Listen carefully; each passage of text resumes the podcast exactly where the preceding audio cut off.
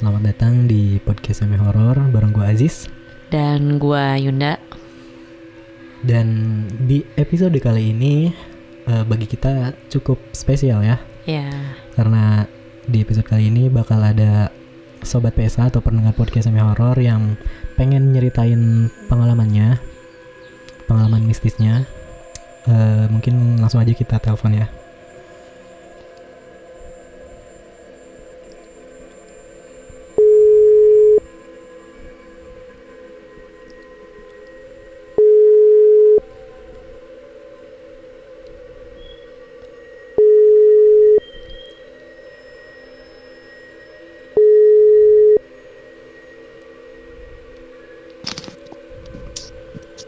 Assalamualaikum. Waalaikumsalam. Passwordnya.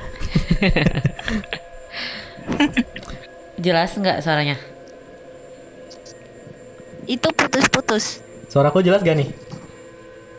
Jelas. Suaraku jelas nggak? Jelas tapi kayak jauh. Oh. Emang jauh sih. Emang jauh. Ya, silakan um, perkenalkan diri kamu dan langsung ceritakan pengalaman kamu. Oke. Okay. Halo, selamat malam pendengar podcast Temi Horor. Kenalin, nama aku sebut aja Cinta. Umur aku 19 tahun. Asal aku dari Jakarta. Okay. Aku punya dua cerita. Uh, cerita yang pertama ini aku alamin waktu lagi di bioskop. Hmm. Waktu itu aku nonton bioskop bertiga sama temen aku, namanya Dinda sama Wulan. Hmm. Terus uh, selesai kita nonton bioskop, itu bioskopnya tuh nggak, eh aku nonton filmnya tuh nggak yang genre horror gitu enggak terus habis itu selesai nonton bioskop keluar dari teater aku ngajak si Dinda sama Wulan ini untuk ke toilet. Terus mereka berdua kayak kekeh buat nggak mau gitu. Mereka sambil bercanda aku kira mereka emang bercanda nggak mau nemenin aku gitu. Hmm. ternyata emang beneran. Terus akhirnya aku pergi ke toilet sendiri hmm. waktu aku ke perjalanan ke toilet itu aku ngelihat banyak banget orang tapi aku nggak bisa ngedenger suaranya mereka hmm. kayak mereka tuh ngobrol tapi aku nggak tahu apa yang mereka obrolin gitu karena kamu terus akhirnya uh, jalan ke toiletnya dengan posisi terburu-buru gitu kan karena udah iya karena hmm karena aku keburu-buru karena emang udah pengen ke toilet banget aku, aku ya udah cuek aja gitu hmm. terus akhirnya waktu aku nyampe toilet uh, itu aku ngelihat ada dua orang satu ibu-ibu bawa bayi gitu cuma aku nggak bisa lihat muka bayinya karena dia ketutupan kain gitu kan hmm. terus satu lagi ada mbak-mbak dia di depan kaca panjang terus ada wastafelnya gitu.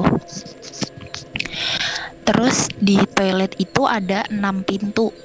Nah salah satu pintunya itu ada tulisan rusak gitu. Hmm. terus akhirnya aku semenit dua menit nungguin.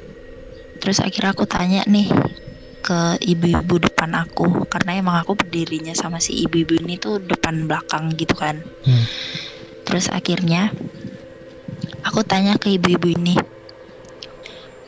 bu toiletnya penuh ya? Terus aku sama si ibu-ibu ini langsung eye contact gitu. Dia natap aku tajem banget dengan muka datarnya dia. Hmm. akhirnya dia jawab saya nggak tahu. Terus dia langsung buang muka lagi. Hmm. udah dari situ aku kayak ya udah gitu akhirnya aku nungguin lagi karena aku udah nggak kuat. Akhirnya aku nyender di deket si mbak-mbak yang di depan wastafel ini. Aku nyender sambil aku main HP setelah aku main HP nggak lama teman aku yang namanya Dinda itu telepon aku. Tapi aku reject karena kayak ngapain sih aku di toilet doang? Masa diteleponin gitu kan? Terus aku reject. Pas udah aku reject aku ganti posisi aku jadi ngadep ke kaca. Terus aku ngebelakangin si ibu-ibu. Terus si mbamba itu jadi ada di sebelah kiri aku. Terus itu posisinya aku masih main HP masih posisi nunduk terus aku buka WhatsApp dan lain-lain. Terus aku di situ udah mulai ngerasa kok kayak nggak ada tanda-tanda orang udah mau selesai dari toilet gitu. Aku juga nggak dengar suara percikan air dan lain-lain. Terus pas aku sadar akhirnya aku matiin handphone aku handphone aku aku kantongin. Dari posisinya aku nunduk sampai akhirnya aku lihat ke kaca dan pas aku lihat ke kaca si ibu-ibu yang ada di belakang aku dan mbak-mbak yang di kiri aku ini mereka lagi ngeliatin aku pakai tatapan yang tajam banget dan mukanya datar Hmm. terus aku kayak speechless Di kaca aku tuh, di kaca. bengong iya jadi tuh aku natap mereka berdua tuh dari kaca Oh, berarti mereka natap kamu juga ke kaca kan? Iya Hmm. gitu. Terus habis itu aku tuh bengong ngeliatin mereka. Jadi mata aku tuh kayak ngeliat ke matanya dia berdua. Jadi mata aku tuh ke kanan kiri tapi aku nggak aku nggak kedip gitu. Terus eh, aku kedipin mataku sekali. Terus ada yang tepok pundak aku sebelah kiri. Habis itu aku kaget. Terus aku nengok ternyata yang nepok aku itu temen aku yang namanya Dinda. Kata Dinda kenapa lu kok kayak orang kaget? Terus pas aku lihat kanan kiri aku itu nggak ada orang cuma ada ibu-ibu cleaning service yang lagi bersihin sampah. Si Mbak Mbak sama Terus yang keadaannya- ibu bawa bayi itu nggak ada? yang itu udah nggak ada. Oh. aku nggak tahu mereka ke mana. Iya udah udah nggak ada gitu. Kayak pas aku ngedipin mata terus aku ditepok itu kayak suasananya tuh udah kayak akunya tuh lega gitu. Cuma leganya aku tuh aku ngos-ngosan. Hmm. terus aku keringetan. Terus kata teman aku gini lah lu kenapa kayak orang kaget gitu? Terus aku nggak mikir panjang aku nggak mau cerita di toilet itu juga. Akhirnya aku narik Dinda buat ketemu sama Wulan. Pas jalan dari toilet untuk nemuin Wulan itu keadaan semua itu normal aku bisa denger orang-orang sekeliling aku lagi ketawa-tawa, lagi ngobrol sama temennya, lagi cekikikan. Ya udah biasa gitu aku dengernya. Hmm. Pas udah ketemu sama si Wulan, aku duduk. Duduk aku ngos-ngosan. Wulan bilang, "Lu ngapain aja sih diteleponin juga eh diteleponin terus juga nggak pernah ngangkat." Terus aku jawab, "Lah, orang di nel nelponinnya cuma sekali tapi gue reject." Aku bilang kayak gitu. Hmm. Terus Dinda ngomong. Terus Dinda ngomong, "Lu tahu gak? Lu udah setengah jam di toilet gitu." Terus ditunjukin jam Gila, gila. dari handphonenya Dinda. Aku lihat itu udah 17.26. Padahal aku keluar dari teater itu jam 16.45. Waduh. Jadi ternyata jadi ternyata kayak aku tuh udah setengah jam di toilet gitu. Hmm. Terus Ulan bilang lo ngapain aja? Bla bla bla." mereka dengan dengan keceriwisannya mereka kayak lu ngapain aja sih bla, aneh lu. Terus karena aku keringetan kayak ya udah gitu. Aku nggak mau cerita di situ. Terus ya udah akhirnya mereka aku ajak pulang. Itu nggak jajan nggak makan itu langsung pulang terus mereka baru aku ceritain di rumah dan mereka bilang mereka merinding dengar cerita aku.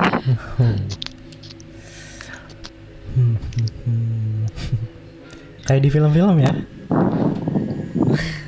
Iya nggak sih? iya sih ah ah. pada bilang kayak di film-film Eh, Cuma ya itu beneran kayak sebenarnya sebenarnya aku juga nggak percaya sih dengar cerita dari kamu. mm-mm. Tapi setelah kamu cerita ya mau gimana lagi harus percaya kali ya. Parah sih kayak di film horor gitu sih. karena teman aku yang nggak tahu aku kayak gimana juga mereka bilang masa sih masa sih kayak gitu cuma Oh, oh, emang iya sampai bener. detik ini aku, aku aku nyeritain tuh aku masih merinding gitu karena emang itu beneran Gila. Sampai segitunya ya. Berarti eh, di cerita ini kamu tuh kayak masuk, Masuk ke, ke dimensi, dimensi lain. lain. kali ya. Ah. Ih, parah sih iya iya bener Ah, ah. Untung kamu ditepok tuh sama Dinda. Kalau nggak- kalau Dinda nggak Iya, nepok udah iya. ke mana kali tuh? iya aku udah nggak tahu ke mana deh Iya bener banget. Aduh, makasih banget loh Dinda udah nepok Alia. Itu cerita pertama tuh. Iya nih lanjut cerita kedua ya ya. Iya boleh.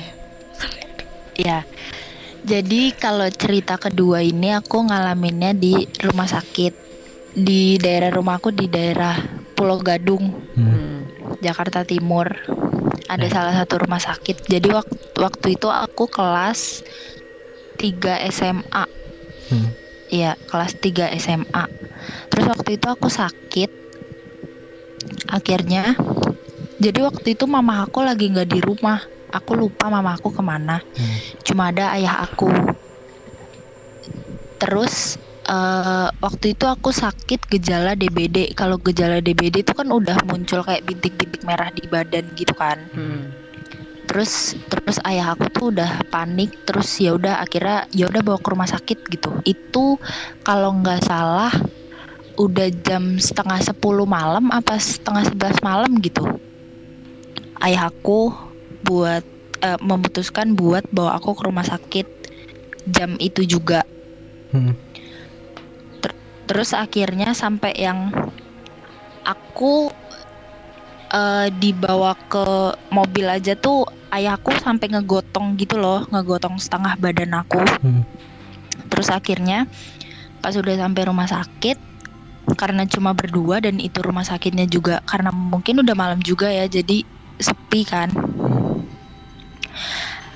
Ayah aku coba buat cari kursi roda, ayah aku masuk sendiri nih. Aku masih di mobil, mesin mobil pun masih nyala. Hmm. Ayah aku masuk cari kursi roda, terus tiba-tiba ada mm, bapak-bapak satpam keluar dorong kursi roda Hmm. ke arah mobil aku. Tapi itu nggak sama ayah aku. Hmm. Aku kira ayah aku yang nyuruh apa gimana gitu kan. Iya. Terus abis itu bapak-bapak itu ngetok-ngetok kaca mobil aku.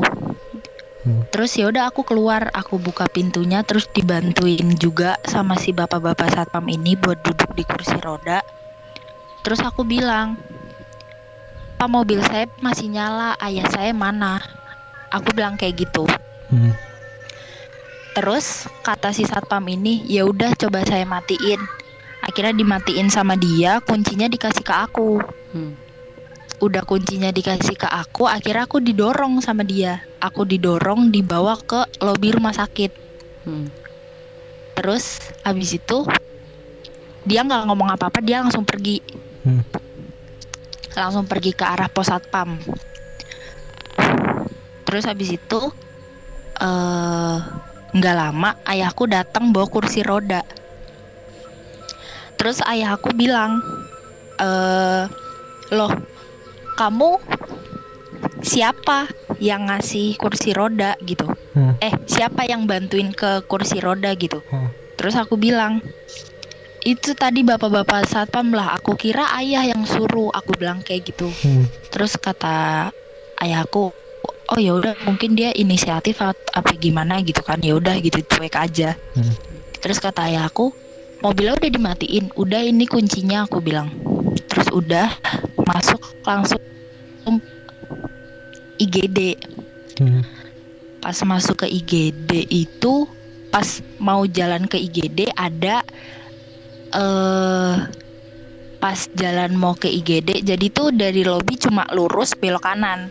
Hmm. Nah, sebelum belok kanan itu ayahku sempat berhenti karena ada empat bapak-bapak dorong peti jenazah gitu loh. Hah. Uh, lihat empat bapak-bapak dorong peti jenazah, ayahku berhenti sebentar, terus udah pas itunya udah Lewat. lewat, baru aku didorong lagi, Hmm.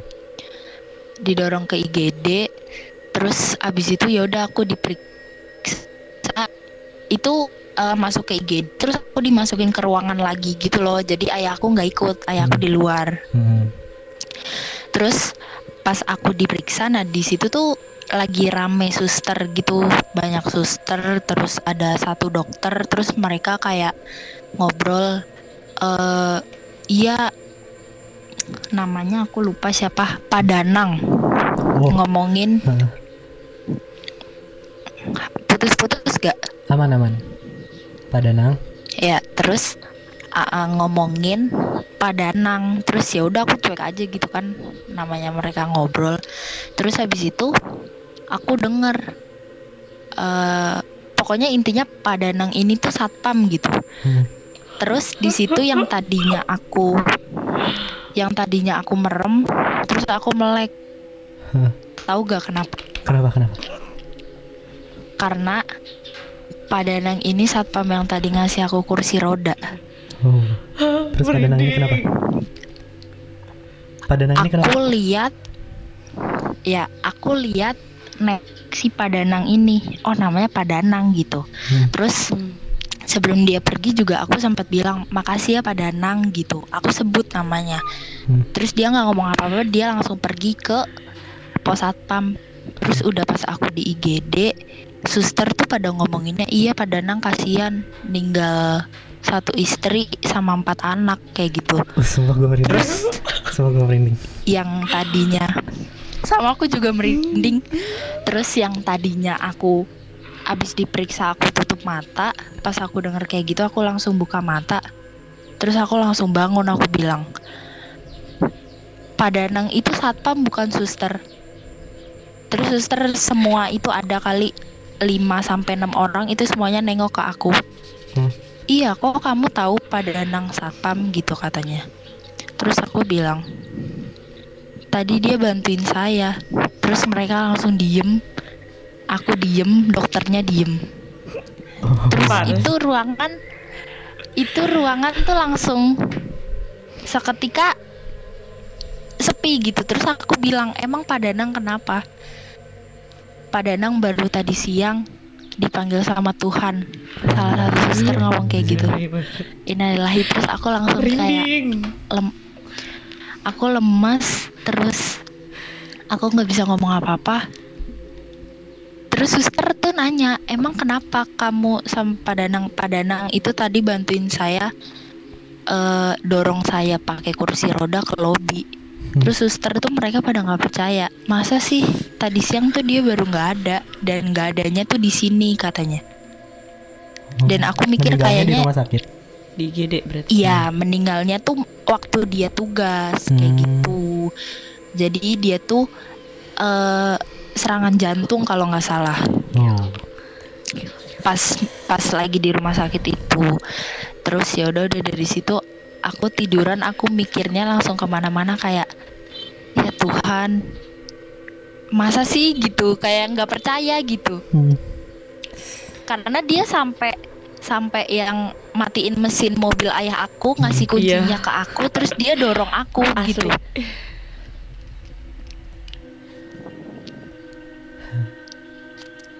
terus ya udah dari situ eh, ya udah aku cuma cuma ya udahlah gitu. I- istighfar aja padahal sebenarnya aku merinding gitu loh. Eh, tapi kan aku tuh penasaran. Aku tuh pena- penasaran banget ya maksudnya eh, motif almarhum Padanang buat nolongin kamu tuh apa gitu kan? Ah, ah, maksudnya itu kan benar, berarti kamu kalau misalnya Padanang eh, meninggalnya waktu siang otomatis kamu Iya. ditolongin sama arwahnya Padanang iya kan berarti? Iya. Iya. Gak maksudnya gak masuk akal banget. Buat apa nolongin Iya. kamu sedangkan kamu kan nggak kenal sama Padanang iya nggak ada hubungannya sama iya sekali gitu kan. makanya. Terus setelah itu kamu cerita nggak sama ayah kamu? Aku cerita waktu aku udah di rumah karena kan itu eh tadinya tuh aku mau di jadi tuh aku udah ada keputusan buat malam itu aku dirawat cuma aku Hmm. nggak mau mau karena aku tahu yang tadi Padanang itu jadi aku Iya. takut gitu kan Heeh, terus terus terus eh, aku bilang ke dokter saya nggak mau dirawat dok. Aku bilang alasan lain karena saya bentar lagi udah mau ujian bla bla bla gitu. Jadi saya rawat Iya. jalan aja dok gitu. Heeh. terus kata dokternya oh ya udah boleh tapi kamu harus sering-sering kontrol. Oh iya gitu. Terus akhirnya malam itu aku diinfus sampai jam 5 pagi. Jam 5 pagi aku udah dibolehin pulang. Setelah pulang badan aku udah rada enakan baru aku cerita ke ayah aku. Terus ya udah gitu ayahku juga nggak percaya karena karena ayahku nggak tahu kalau aku tuh orangnya pekaan oh Hmm, gitu. Tapi sekarang ayah kamu tahu. iya di kenapa Tapi sekarang ayah kamu tahu kalau kamu rada peka gitu. Eh, aku sering cerita jadi ayahku udah mulai terbiasa gitu dia nggak bilang kalau iya ya, ayah percaya gitu nggak cuma Hmm. karena aku Oh. sering cerita jadi dia kayak oh ya udah ya udah Jadi gitu. cuma cukup tahu aja kali ya kalau ayah kamu. Hmm. kalau iya jadi ayahku tuh cuek gitu loh orangnya. Jadi kalau misalnya aku cerita oh ya udah gitu aja. Hmm. karena aku kayaknya tuh kayak mama aku cuma mama aku tuh pekanya kayak baca karakter orang. Kalau aku kan li- lihat ke yang nggak bisa dilihat sama orang lain Hmm. kalau mama aku tuh ngelihatnya ke lebih ke karakter orang gitu Oh berarti mama kamu tuh bisa. Oh, berarti mama kamu tuh Iya. bisa, tahu. Aduh, iya napas kamu deket banget. sorry sorry Iya jadi tuh ayahku tuh orangnya cuek banget kayak kalau misalnya aku sama mama aku suka cerita kayak aku cerita sesuatu yang nggak bisa dilihat terus mama aku cerita soal karakter orang gitu tuh ayahku kayak cuma cukup tahu aja gitu jadi aku sebenarnya nggak tahu ayahku bisa kayak gitu juga atau enggak Hmm.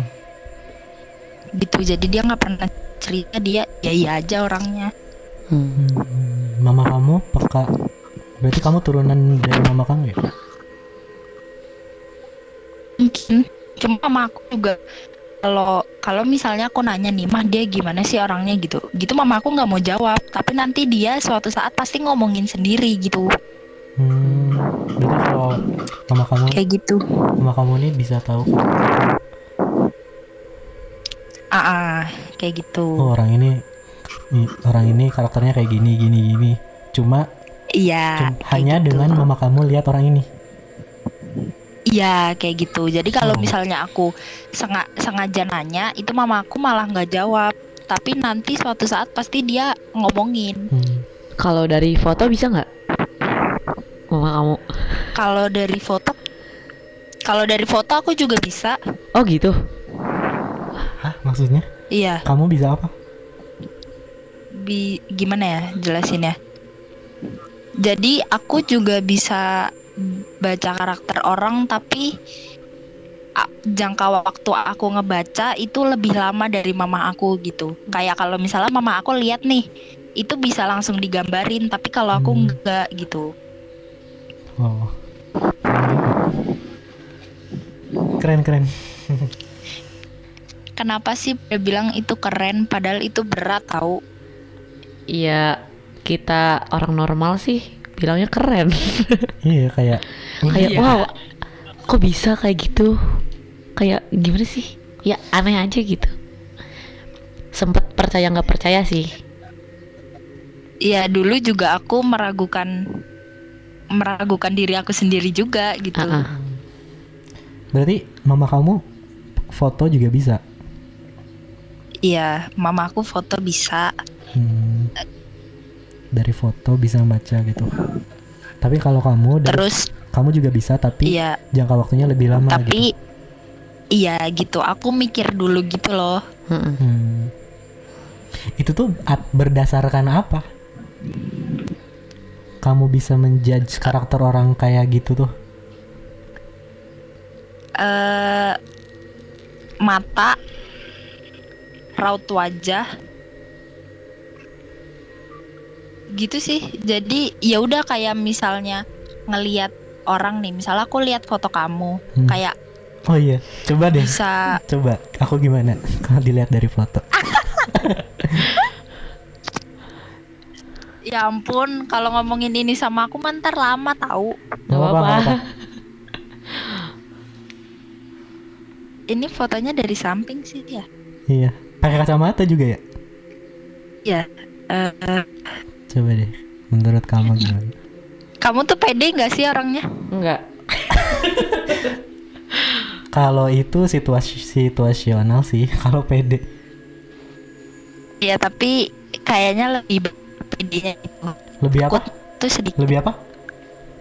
lebih lebih banyak pedenya takut sedikit Lebih banyak pedenya, Takut. sedikit takutnya. Iya, jadi kamu kalau misalnya ngelakuin apa tuh ya udah pede aja dulu gitu. Bener bener bener. bener. Terus terus. Terus terus. Mikirin resikonya nanti. Ah. Mikirin Oh. resikonya tuh nanti-nanti Buset, gitu. bener, Bener, bener, bener, bener. banget sumpah. Selaku partner ini setuju iya. banget sih.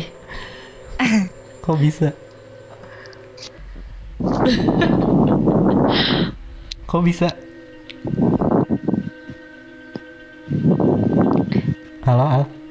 Terus ya terus orangnya gampang terbuka ya. Hmm, lumayan, Enggak begitu sih. lumayan. Terus? Kalau sama orang kalau sama orang baru bisa terbuka, tapi kalau sama orang lama kayak eh nanti aja deh gue ceritanya gitu. Bener. Bener. Benar benar. Sarah. Gue keringetan. Lanjut lanjut. Iya kayak gitu. Terus udah. Apalagi ya? Aku kalau kayak gini, misalnya sekarang aku nggak kepikiran nih. Hmm. Tapi nanti kalau misalnya akunya ngerasa ngeganjel, pasti nanti aku omongin. Oke, Oh. kabarin ya. Iya. Iya iya. Udah, udah nih. Iya udah. Kamu mau dibaca apa lagi? Masa lalunya mau dibaca? Boleh Emang boleh. bi- emang bisa. Oh berarti kamu bisa. Nggak tahu deh. Coba coba. Nggak tahu aku kalau masa lalu. Jar, aku kalau masa lalu itu lebih ke tempat.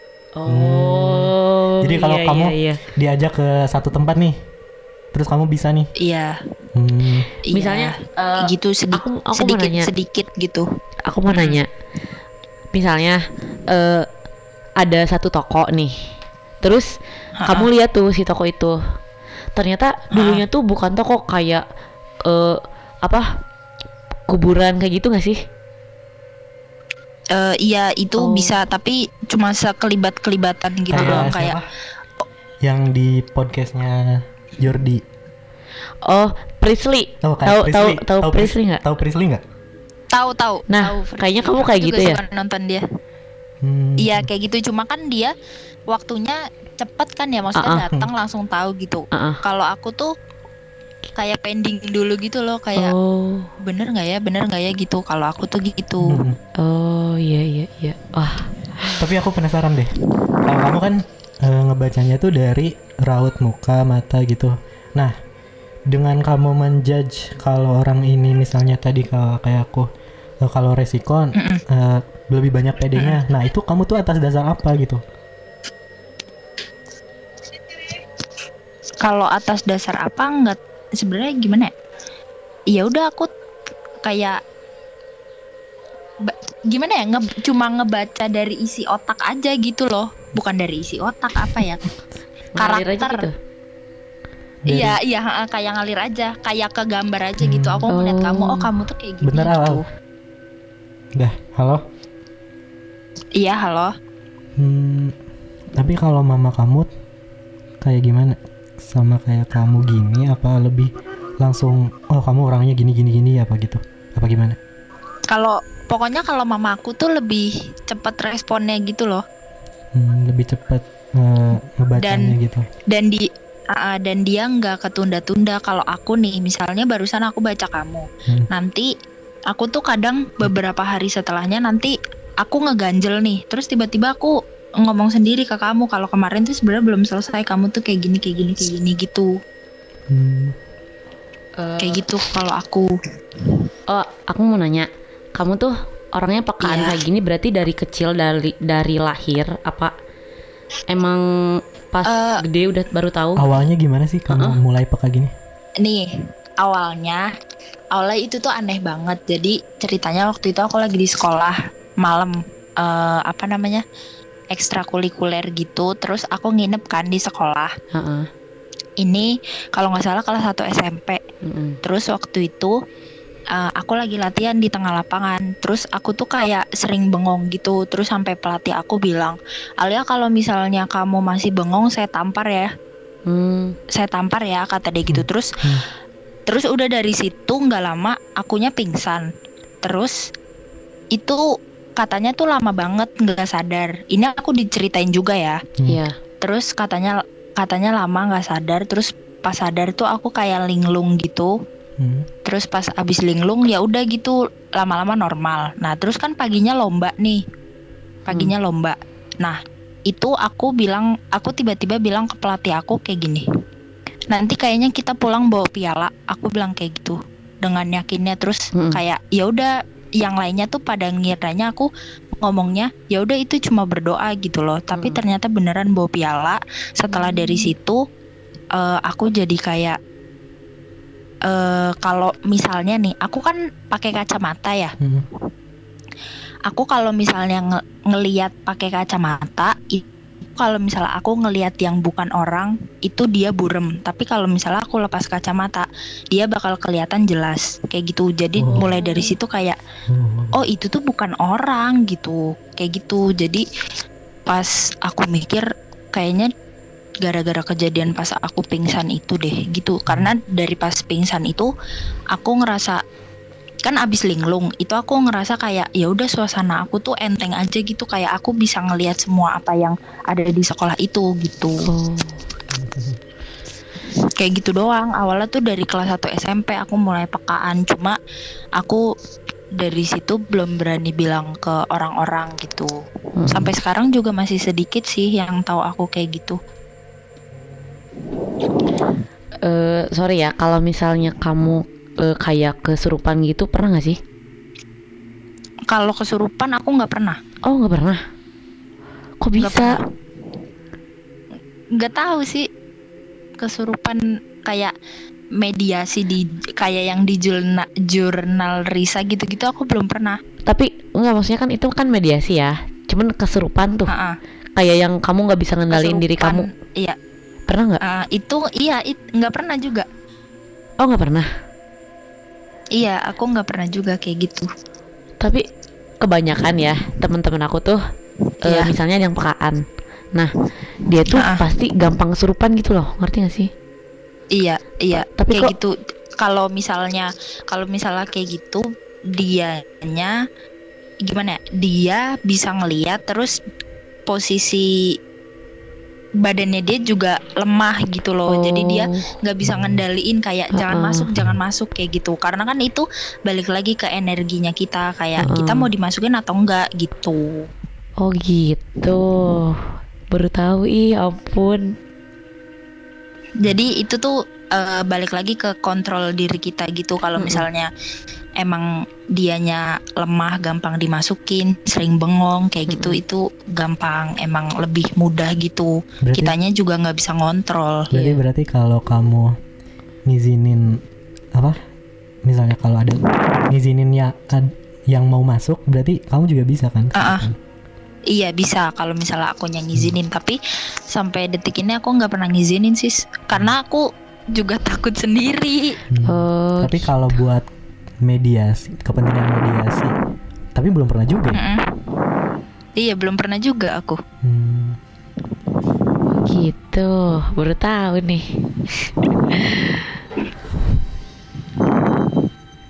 Ya udah sih itu itu aja paling. Makasih banget. Makasih. Iya, Eh, tadi- aku juga makasih banget. Hmm.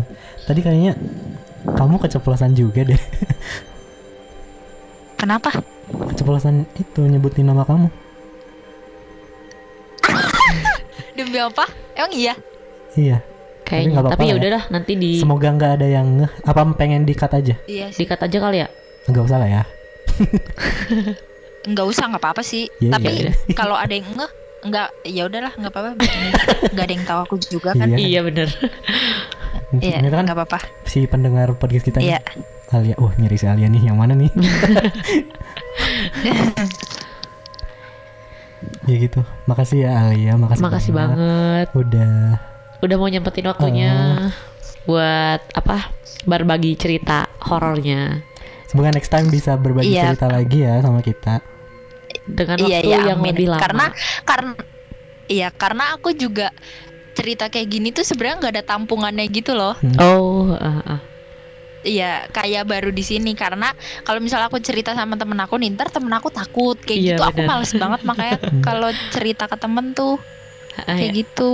Ya Ya, deh. semoga nanti kita bisa rekaman langsung ya bareng di studio atau di mana gitu. Iya, Ah, oh, amin amin amin. Siap-siap. senang Ntar banget kalau Kita atur jadwal lah. iya senang Iya. senang banget kalau misalnya kita bakal ketemu kamu sih Ntar tiba-tiba teman gue langsung, Iya.